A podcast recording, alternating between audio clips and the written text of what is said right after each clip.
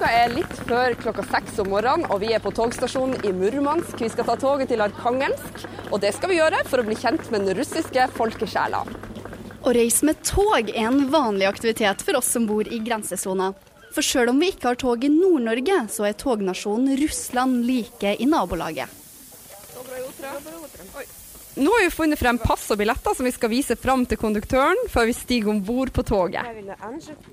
Anja. Anja. Da. Аня. Da. Тогда Архангельская, 26 место. Проходите. 26. 26 Мгм. Спасибо. Vi finner køye 27 og 26. Å reise med tog er egentlig en perfekt måte å bli kjent med den russiske kulturen på, fordi vi bor så tett innpå helt vanlige folk. Videre. Her er Her er vi. Ja. Her skal vi bo. Her skal vi bo. Og masse plass til koffertene under sengebriskene. Ok, Så her legger vi ned, eh, og vi har fått naboer. Og vi har fått naboer.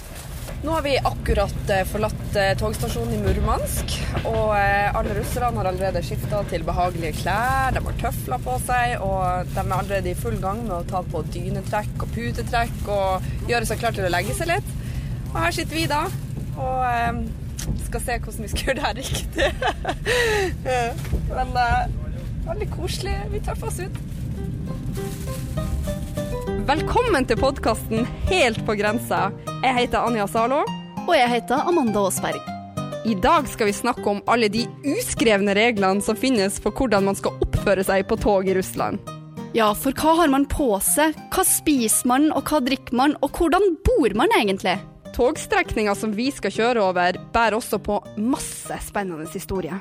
Vi tøffer oss gjennom et område som faktisk har vært bosatt av nordmenn en periode, og der politiske fanger drev knallhardt straffarbeid i arbeidsleirer, også kjent som Gulag. Heldigvis så har vi med oss historieprofessor Kari Aga Myklebost på turen. Hun er ekspert på Russland og på det norsk-russiske naboskapet i nord. I tillegg så er hun en skikkelig togentusiast. Nå eh, reiser vi jo med tog gjennom verdens største land, som har et eh, enormt nettverk av toglinjer som går i alle de fire himmelretningene. Russland omfatter jo både nord, sør og øst og vest, og har veldig mange spennende togreiser. Eh, og vi har jo de her mest kjente, som, som den transsibirske jernbanen, som strekker seg fra eh, vest og helt øst til Sibir og Vladivostok. Eh, og så har du kjente toglinjer, sånn som Den røde pil, Krasnaja Strela, som er nattoget mellom Moskva og St. Petersburg. Men vi befinner oss jo nå på en litt mer ukjent strekning, som samtidig ligger veldig nært oss i Norge, eh, mellom Murmansk og Arkangelsk. Så nå eh, suser vi Har vi sust over Kolahalvøya, rett sørover, og så nærmer vi oss kysten av Kvitsjøen. Så skal vi rundt Kvitsjøen og til Arkangelsk. Hver vogn har en betjent som alltid er tilgjengelig, og som vil hente de tradisjonelle tekoppene og tevannet hos. Вы будете утром еще чай попить? Конечно. Сколько лучше? Тоже три? Da. Vår togvert heter Irina. Hun har jobba på denne vogna i to år. Irina mener at man bør velge å reise med tog når man er i Russland, fordi det er den absolutt tryggeste måten å reise på. Потому что поезд считается самым безопасным средством передвижения. I tillegg så kan man jo nyte den vakre naturen som man reiser forbi. Наблюдать в окна, нашу природу, наши красивые вот деревья, березки мы сейчас проезжаем. Vi har valgt å reise platskart, altså på tredje klasse. Det vil si at vi bor i vogn sammen med 50 andre mennesker. I hver kupé sover seks personer fordelt på begge sider av midtgangen, og det er ingen dører som skiller oss fra de andre kupeene. Ja, hva kan man egentlig lære om Russland når man reiser med tog? Nei, man får jo en sånn eh, eh, krasjinnføring i russisk familieliv, kan man si. Her har vi jo eh, små barn som reiser med foreldrene sine, og som springer rundt i vogna og snakker med alle, og får klemmer og gjør seg kjent. Og vi ser hvordan eh, foreldrene behandler ungene, og vi ser hvordan eh, tenåringene forsvinner under teppet og gjemmer seg med heavy metal på øret. Så her kommer man virkelig rett inn i et russisk familieliv. Hva kan man lære om Russland med å se på det landskapet og de små bygdene og sånt som vi passerer nå på, på denne turen? Ja, nå reiser jo vi gjennom et landskap som eh, på noen vis ligner på det vi kjenner fra Nord-Norge, men samtidig er det veldig annerledes. Eh, det vi ser fra toget her, det er jo den russiske landsbygda. Eh, først over Kolahalvøya, der det er mest eh, skog, litt industriområder. Etter hvert som vi nærmer oss Kvitsjøen, så vil vi jo se den gamle eh, russiske trearkitekturen, små eh, gårder med ujevne mellomrom. Og det kan se ganske forfallent ut, men eh, mye av det her er jo fortsatt bebodd. Og vi ser at folk dyrker, har små åkerlapper og dyrker grønnsaker. Og vi ser bilene som står parkert liksom på kryss og tvers. Det ser jo ut som at det kanskje ikke engang er strøm her, og at veiene ikke er spesielt godt utbygd. Hvem er de menneskene, tror du, som bor her? Eh, ja, det er nok eh, vanlige familier. Vi ser noen av dem kommer jo på tog og reiser en kort strekning og, og går av igjen. Og eh, skal innom og besøke noen slektninger som bor eh, noen landsbyer lengre ned eller sør. Eh, så det, det, er folk som Noen av dem har nok datsja her og dyrker litt grønnsaker og har kanskje egentlig hovedbolig i Murmansk. Eh, mens andre er folk som bor her. Eh, fast familie. Ikke bare eldre mennesker, vi ser jo også unger som bor her, så det er veldig hyggelig. Nå skal vi jo spise ordentlige russiske piroger.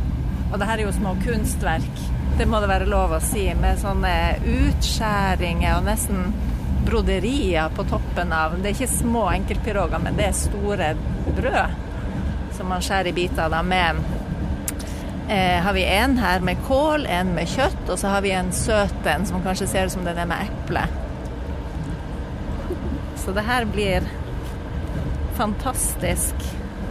Og det er jo litt artig, fordi vi ser jo bortover i de andre kupeene at ja. folk sitter og spiser Kylling, de har kokte egg med seg, ja, poteter har de med seg. Og de har liksom begynt å dele det her nå, sånn at hele vogna har begynt, å spre seg en sånn her aroma av forskjellige typer mater.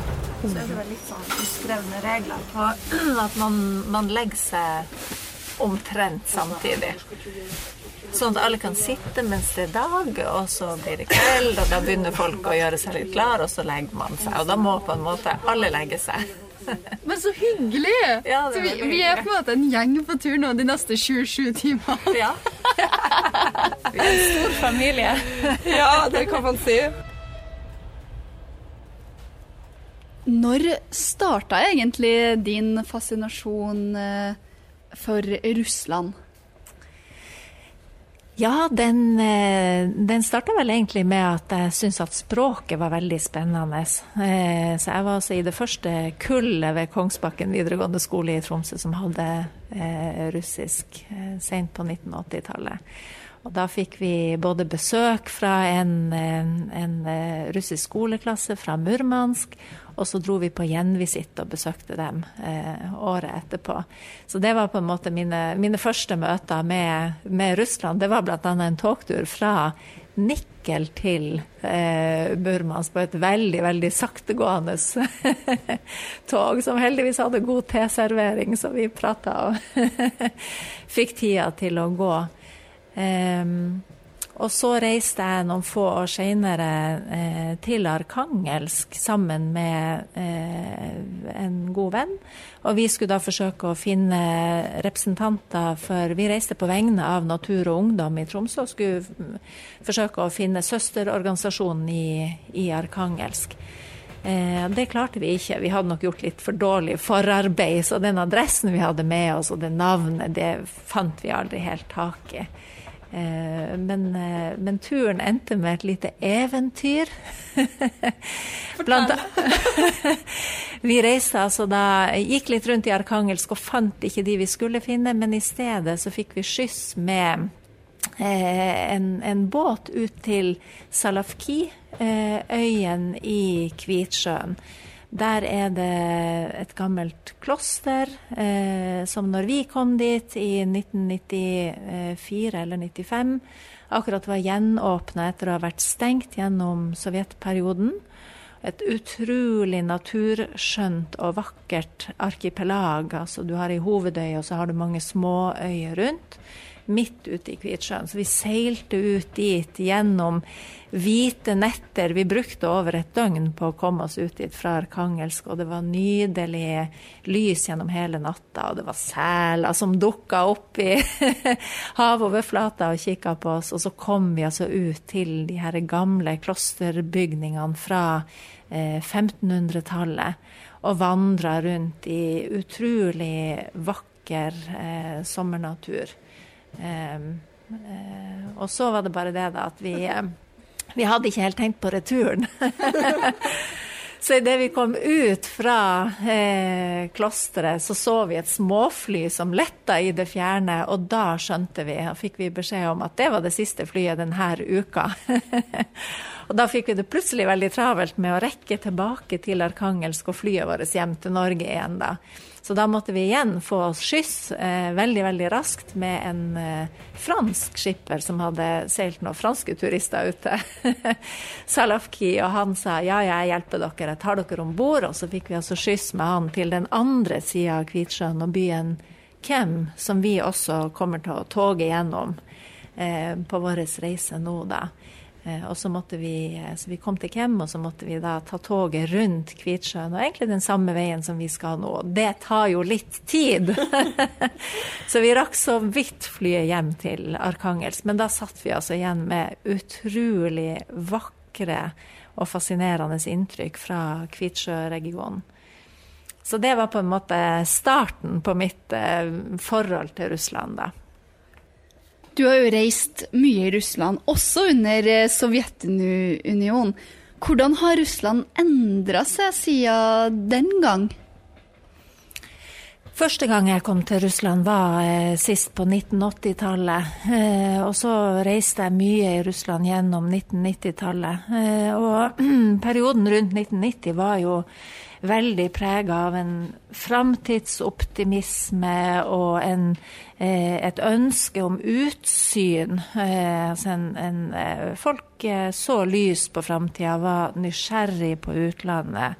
Og var veldig åpen, opplevde jeg, i forhold til meg som utlending som kom hit som ung, ung voksen til Russland. da. Eh, jeg bodde i en russisk familie i St. Petersburg et år, eh, fra 1992 til 1993.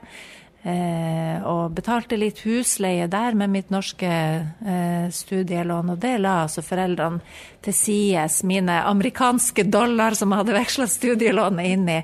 For det var hard valuta som de kunne spare for å sende sønnen sin på, på, eh, utdanning i utlandet. Det ville de veldig gjerne. Og det var litt sånn eh, karakteristisk kanskje for eh, mange russiske familier, da, at man ønska seg ut.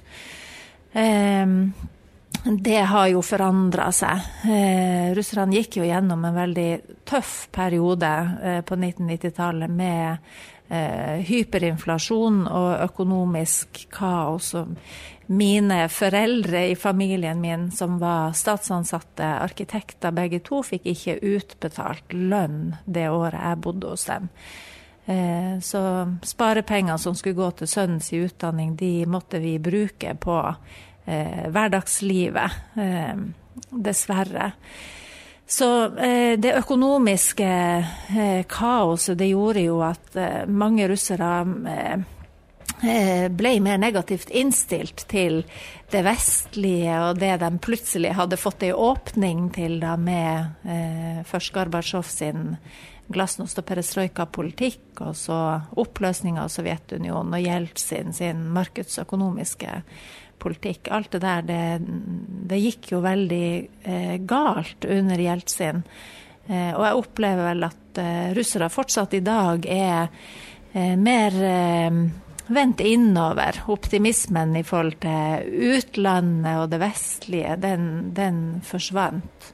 Eh, og har blitt erstatta av ei ganske nasjonalistisk vending, da, og ei, eh, ei sånn gransking, en offentlig eh, diskusjon om hvem er vi, eh, som er mer innadvendt, da.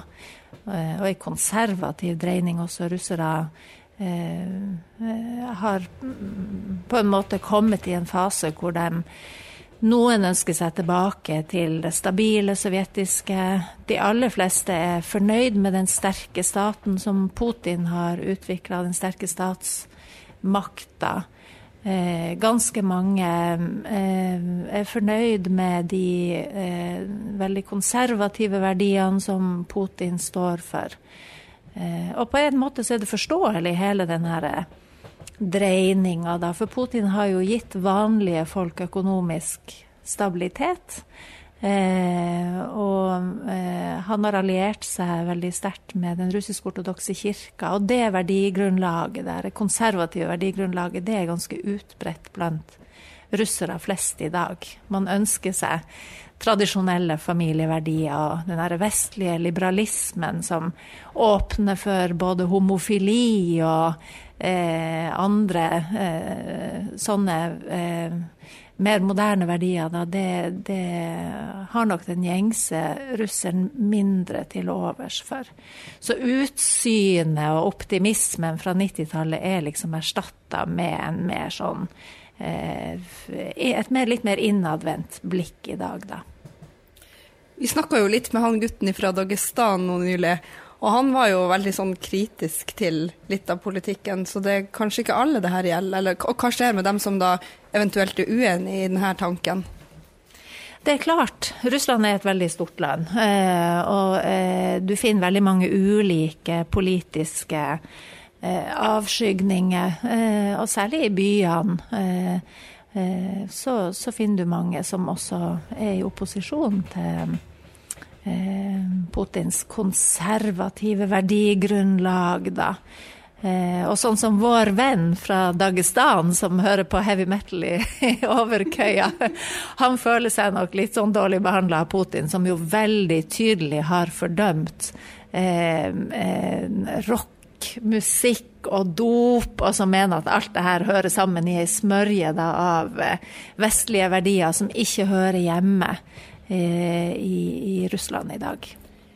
Hva, hvis man da skal snakke om en sånn typisk russisk folkesjel Det snakkes jo alltid om at Russland er et annet sted og kanskje umulig å forstå.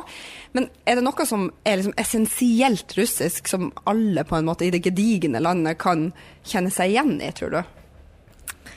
Ja, Det er jo et veldig interessant spørsmål nå, eh, fordi russerne står midt oppi en, en periode hvor de fortsatt prøver å finne tilbake til eh, hva Russland egentlig er. Man mista sovjetidentiteten, den måtte man kaste på søppeldynga.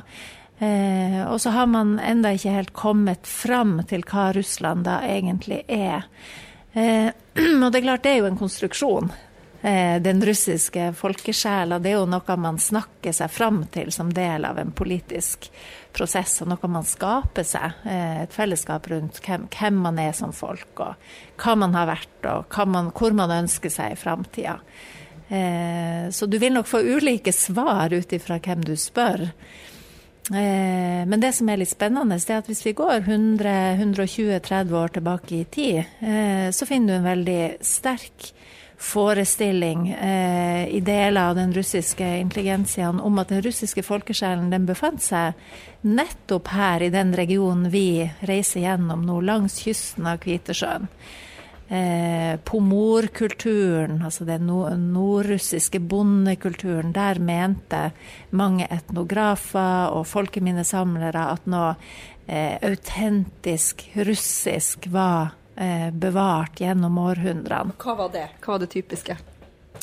Det var den eh, høyreiste, frihetselskende, eh, hardtarbeidende eh, bonden som levde godt under harde klimatiske forhold langs Kvitsjøen. Der trivdes han. Så det var en sånn idealisering av bondekulturen, da, som også hadde med seg ei forestilling om at bøndene i Nordvest-Russland var etterkommere etter emigranter fra Novgorod, altså den gamle bystaten Novgorod i middelalderen.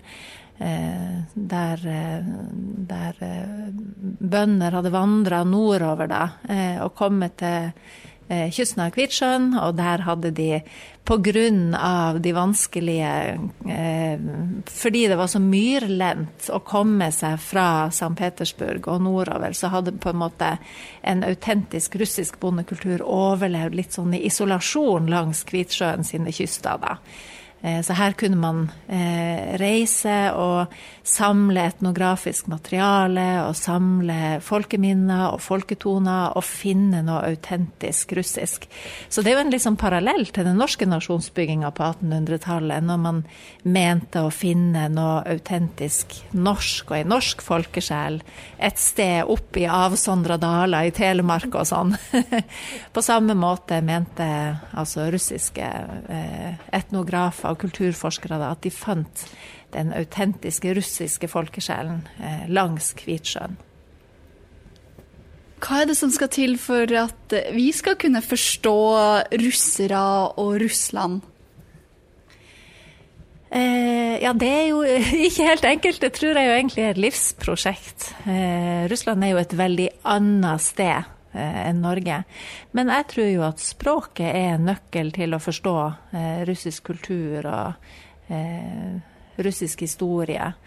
Eh, for det ligger veldig mye eh, av blikket på verden og liksom virkelighetsforståelsen, det ligger i, i, språket. Så hvis man virkelig vil skjønne Russland, så må man bruke tid på å lære seg språket. ja, fordi da tenker du på måten hvordan de plasserer seg sjøl, eh, med f.eks. ting og gjenstander. At de, de sier jo ikke at 'jeg har' Ja, ikke sant. Det er jo ett veldig godt eksempel. Da, at de har ikke det her eiendoms... Måten å uttrykke eiendom på som vi tar for gitt i vårt språk. Vi sier 'jeg har ei bok', f.eks. Russerne sier 'hos meg er det ei bok'.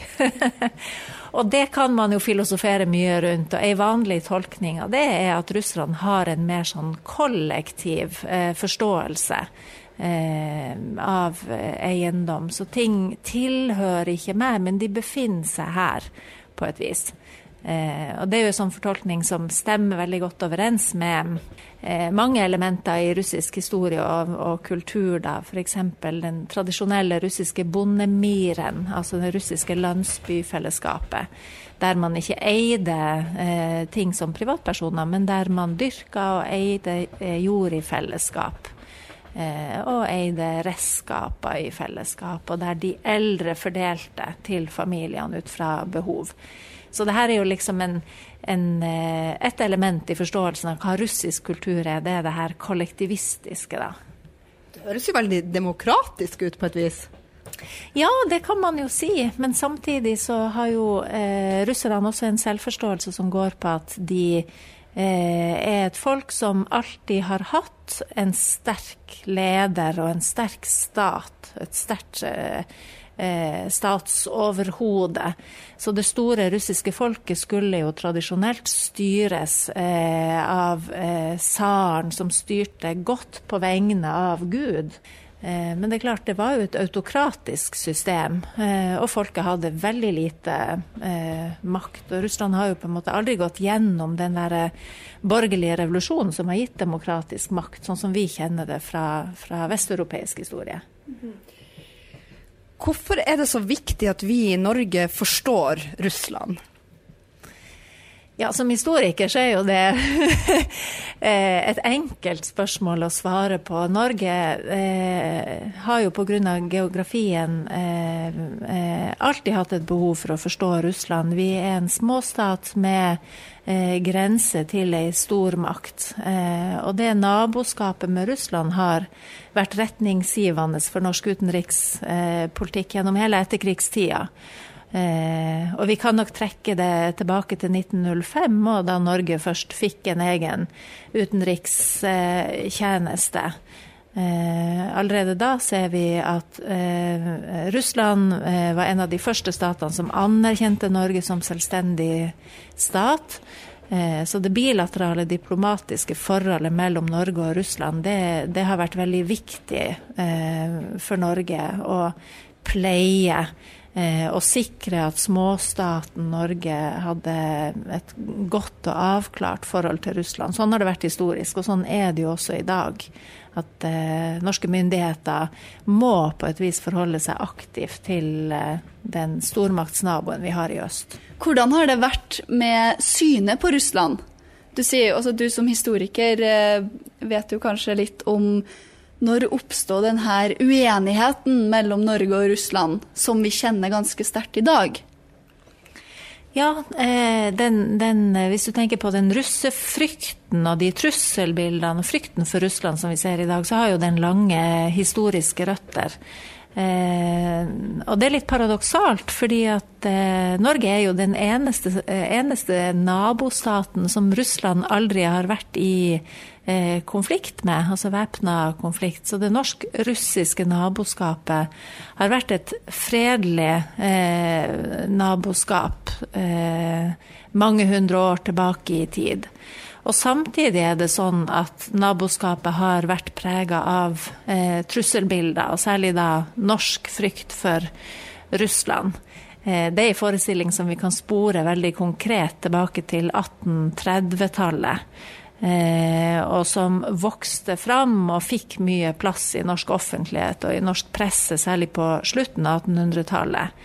Eh, da var russofobien ganske stor, og man finner jevnlige oppslag, notiser i Aftenposten f.eks. om eh, eh, at russiske spioner forkledd som såkalte sagfilere eller håndverkere som reiste rundt, de hadde man observert her og der rundt i Norge da. og så er det sånn at denne russefrykten, den har jo vært forsøkt eh, spor av historikere, realitetene i den. Og man har ikke funnet noe eh, beviser i arkivene for at Russland noen gang hadde aggressive planer overfor Norge.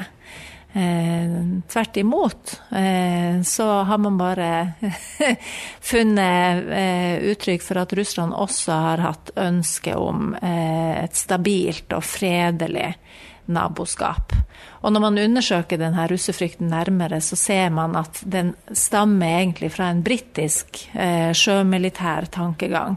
Sett fra London og sett fra Storbritannia så var det sånn at hvis Russland skulle ekspandere og eh, f.eks. opprette ei havn langs kysten av Nord-Norge, som var det konkrete innholdet i den russiske fare mot Norge, det var så frykten for at Russland skulle ekspandere og ta kysten av Nord-Norge og lage seg havner for si, eh, sin russiske flåte der. og Storbritannia var veldig redd for det, for det, det ville true det britiske Eh, den britiske sjømilitære kapasiteten, da. Eh, og så spredte nok den forestillinga seg, særlig i Kristiania, fikk den eh, fotfeste, da. Eh, og det ble en del av eh, eh, den norske politiske og kulturelle eliten sin forestilling om Russland, altså som en trussel. Eh, så er det et paradoks da at hvis man eh, går til Nord-Norge, og den nordlige landsdelen, der denne trusselen liksom etter sigende skulle være mest overhengende, der finner man egentlig ingen spor av en sånn, et sånn trusselbilde eller en forestilling om en russisk fare eller noe sånt. Aldri. Har vi aldri hatt en sånn forestilling eh, om, om Russland som noe farlig i nord?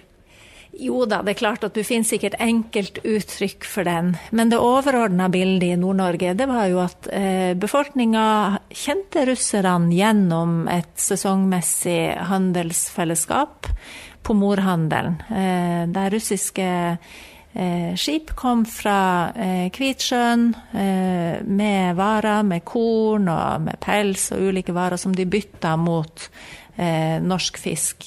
Og det var eh, en eh, avgjørende viktig handel for den nordnorske befolkninga, f.eks. under napoleonskrigene, når det faktisk var russisk korn som, som berga den nordnorske befolkninga da. Og det var en viktig handel også for, eh, for de russiske skipperne, som kunne ta med seg nordnorsk fisk som ble salta og senere sendt innover i landet da, til de russiske indre guvernementene, hvor man fikk en ok pris for den. Stemmer det at eh, man på et tidspunkt til og med hadde et samme språk, eh, Norge og Russland, altså på morspråk, moja på toja eller noe sånt. Og hva har det i så fall betydd for en tillit mellom nordmenn og russere i nord? Ja, det språket er jo veldig interessant, eh, for det utvikla seg som et handelsspråk. Nordmenn og russere forsto jo ikke hverandre umiddelbart, men de lagde seg også et eget handelsspråk som besto av noen få hundre ord. Eh, I hovedsak norske og russiske ord, men også iblanda eh, litt eh, nederlandske ord, og litt tysk og litt engelsk og, og sånn. Eh, og det er et veldig morsomt språk som har blitt studert bl.a. av eh, russisk filologer ved Universitetet i, i, Tromsø. Man har ikke så veldig mye skriftlig materiale, men noe har man funnet. Eh, og det viser at det her var et veldig eh, spesielt pidgin, såkalt pidgin-språk, da. Det var ikke et språk sånn som mange pidgin-språk er, så er de eh, eh, kolonistene sitt språk. Eh, så det, det pidgin-språk viser ofte den her uh, hierarkiet mellom en eh, kolonisatorer og en kolonisert befolkning. Mens russenorsken, eller moja på tvaja, viser et, et, et, det er altså et, handels, et likeverdig handelsfellesskap mellom to likeverdige parter som reflekteres veldig tydelig i språket. Så det var et bruksspråk som man trengte rett og slett for å gjennomføre handelstransaksjonene. Ja, for toget kjører over Kolahalvøya. Her har det jo faktisk bodd nordmenn en periode, og de såkalte Kolanordmennene. Og hvem var, hvem var dem, og hvordan havna de her? Og hva ble egentlig deres skjebne? Ja, Kolanordmenn de var jo eh, eh, norske bosettere og norske kolonister som ble invitert av eh, russiske myndigheter fra midten av 1800-tallet. Det er en veldig fascinerende historie. Det var jo sånn at det var ikke eh, helt enkelt eh, eh, for norske bønder. Og det å kunne flytte på seg og kanskje finne bedre jord og bedre forhold eh, lengre øst, det var en mulighet som eh, flere benytta seg av. Russiske myndigheter de eh, så på norske bønder, og også finske bønder som òg ble invitert, som eh, en slags eh, mønsterjordbrukere, da, mønsterbønder, som, som, kunne bidra til å eh, skape fast bosetting på Murmanskysten, der det var karrige forhold og som kunne sette et eksempel da, eh, for russiske bønder. Eh, så de eh, ble invitert, og de fikk visse privilegier. De fikk lov til å ta seg jord, de fikk skattelettelser, og de slapp russisk militærtjeneste. Men det ble etter hvert forventa at de skulle ta russisk statsborgerskap, da. Så hvis vi ser på eh, folketellinger fra midten av 1860-tallet, så finner vi ca. 100 norske kolonister. Eh, altså ganske raskt ble det norske bosettinger på Kolakysten, særlig den vestre halvdelen da, opp mot den norske grensa. Der drev de fiske, der drev de med kveg, og der dyrka de eh, grønnsaker. Og særlig fangst og fiske var veldig viktig eh, for økonomien. Så de, de, levde godt, og de lagde seg små kolonier, små bygder, nordmenn, da. De mest kjente på den såkalte Fiskerhalvøya og Tsipnavolok der, eh, men også på Kildinøya øst for, eh, eh, for Murmanskfjorden. Der finner vi den såkalte Kildin-kongen, som egentlig het Johan Petter Eriksen, han eh, bosatte seg lengst øst av alle nordmennene da. Eh, han flytta dit med kone og to døtre, og fikk etter hvert eh, tolv barn. Eh, som levde sammen på Kildinøya. Da. De var de eneste faste bosetterne der. Men de levde altså veldig godt på fangst og fiske. Eh, og på kyr og sau og rein hadde dem. Og de leverte kobberskinn og selspekk til Vardø. Så alle de her norske kolonistene de eh, holdt jo kontakten hjem til Norge og drev både handel mot Norge og skrev brev hjem. Og så det ble eh, norske samfunn rett og slett på nordkysten av Kolahalvøya da. Hva var det som skjedde da? Hvorfor tok det her slutt? Ja, så kom jo den russiske revolusjonen og den bolsjevikiske maktovertakelsen da, eh, i oktober 1917. Og med det så ble det slutt på mye av det tradisjonelle samkvemmet mellom Norge og Russland i nord. Eh, Kola-nordmennene fikk ikke lenger holde kontakten eh, hjem til Norge på samme måte som før. De eh, ble mistenkeliggjort, eh, og, og kontaktene ble kutta. Pomorhandelen som hadde vært så viktig for den nordnorske befolkninga gjennom hele 1800-tallet, eh, ble også eh, brått avslutta med revolusjonen i, i 1917. Eh, og eh, Kola-nordmennene de eh, gikk da gjennom det samme som eh, den russiske befolkninga for øvrig på 1920- og 30-tallet, men de var nok ekstra utsatt som ikke-russiske Eh, innbyggere i en, et grenseområde som bolsjevikmyndighetene så på som utsatt og viktig å bevare. Så Først gjennomgikk de eh, kollektivisering, mm. altså at eh, det de tidligere hadde drevet av sjølberging, eh, nå skulle samles inn i statseid og statsdrevne produksjonsanlegg. Dette var jo, Kollektiviseringa foregikk jo over hele Russland. Det ble oppretta jordbrukskollektiv. På, på Murmankysten ble det oppretta fiskekollektiv. Eh, og det mest kjente blant colanordmennene, det var det såkalte Polstjerna fra, fra 1931, en fiskekolhås. Eh, der kolanordmennene colanordmennene på samme måte som resten av den russiske befolkninga måtte innfinne seg i kollektivdrift, der det ble satt produksjonskvoter eh, som, de, som de eh, måtte oppfylle, da. Ja, for colanordmennene så, eh, så, ble 1930-tallet eh, veldig vanskelig. Eh, de sikkerhetspolitiske vurderingene ble viktigere og viktigere for myndighetene i Sovjetunionen etter hvert som krigen nærma seg og trusselbildene ble sterkere og grenseområdene måtte sikres. Eh, så sommeren 1940 så ble det gjort, eh, foretatt masse deportasjoner fra eh, Murmankysten, og særlig de grensenære områdene mot Norge og Finland. da. Og sovjetborgere av såkalt annen nasjonalitet ble altså flytta med tvang. Cola-nordmennene endte opp, noen av dem i Karelen. Eh, andre ble sendt eh, langt øst, bort fra grensa, til Altai-regionen. Eh, så de små lokalsamfunnene, de norske koloniene på Murmanskysten, de ble rett og slett oppløst.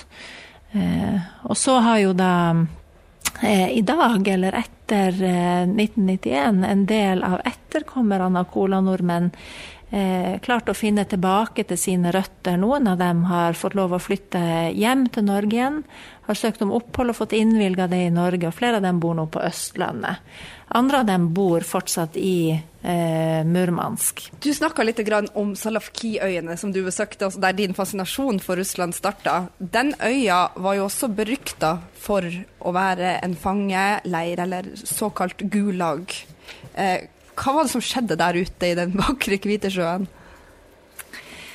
Eh, nordområdene jo, har jo fungert som eksilsted, forvisningssted, eh, langt tilbake i tid. Eh, russiske myndigheter har eh, siden 1800-tallet sendt eh, politisk opposisjonelle nordover. Og Salafki var et sånn eh, isolert sted i nord, der man kunne sende politiske motstandere da, for å eh, kvitte, seg med, kvitte seg med dem og få dem ut av hovedstaden. Eh, Salafki var jo et eh, kloster som ble grunnlagt opprinnelig da, eh, fra, på 1500-tallet. Eh, og gjennom sen, senmiddelalderen så utvikla klosteret seg til et økonomisk og politisk sentrum i Kvitsjø-regionen. Og det ble et viktig eh, festningsverk i forsvaret av Nord-Russland. Eh, og så etter, etter, hvert da også et eksilsted for politisk opposisjon.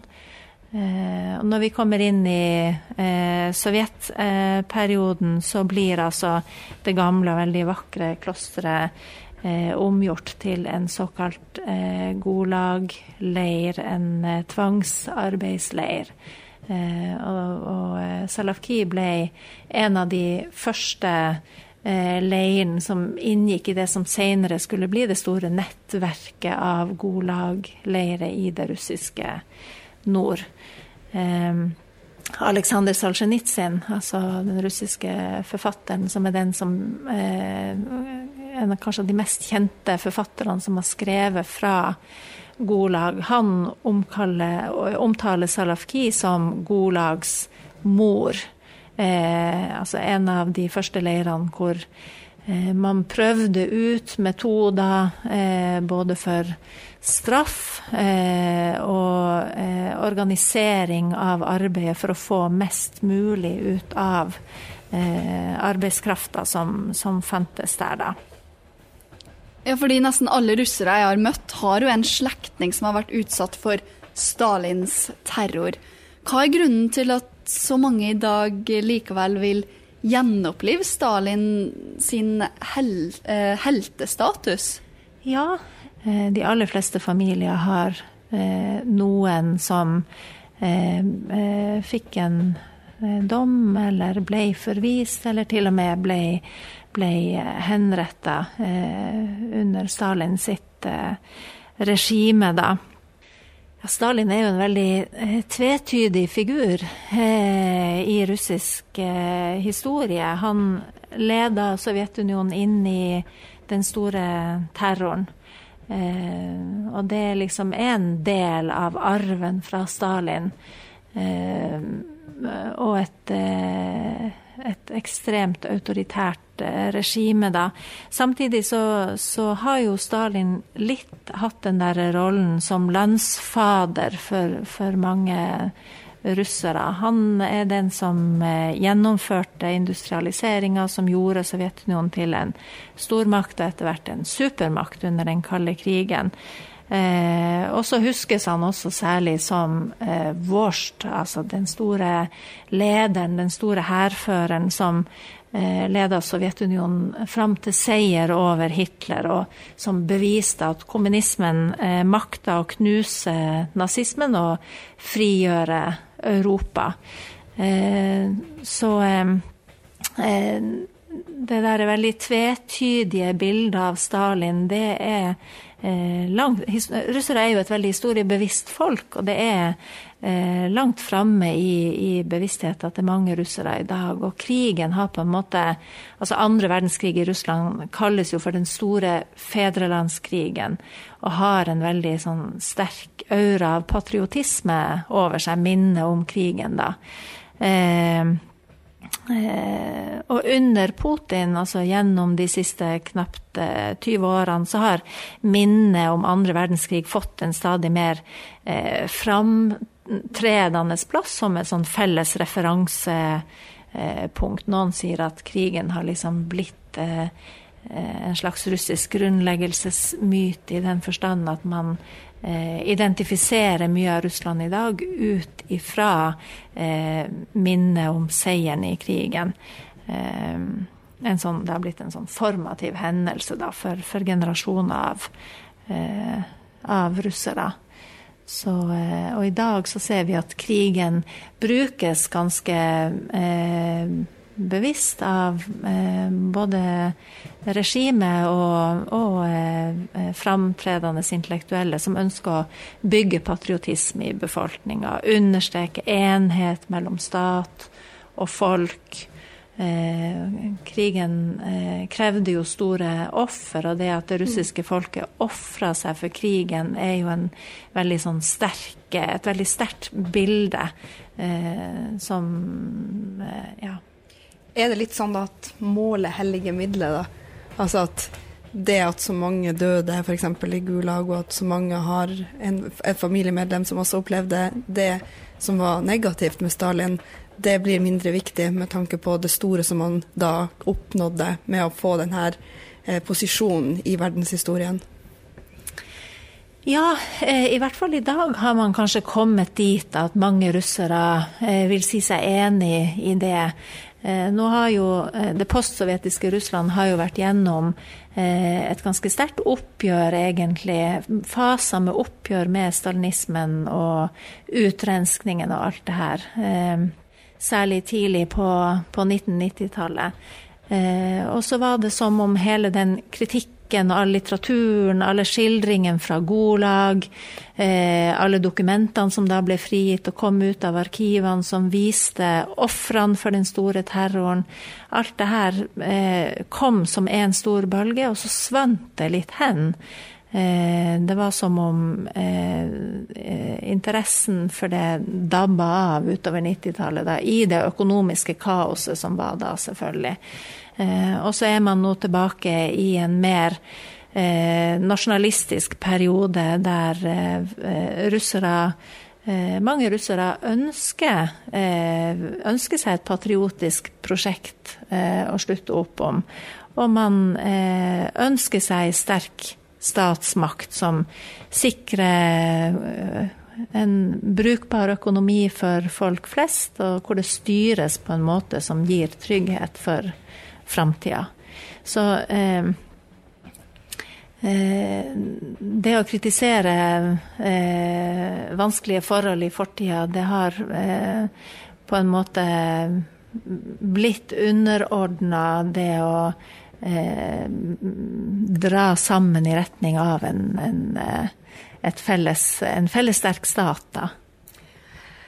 Vi kommer nok aldri til å liksom komme helt til bunns i den russiske folkesjelen, men jeg syns det var en veldig fin måte for oss å lære om Russland gjennom denne samtalen med deg, Kari, og det at vi får lov til å bli kjent med de her menneskene på toget og suse over Kolahalvøya, rundt Kvitesjøen, til Arkangelsk.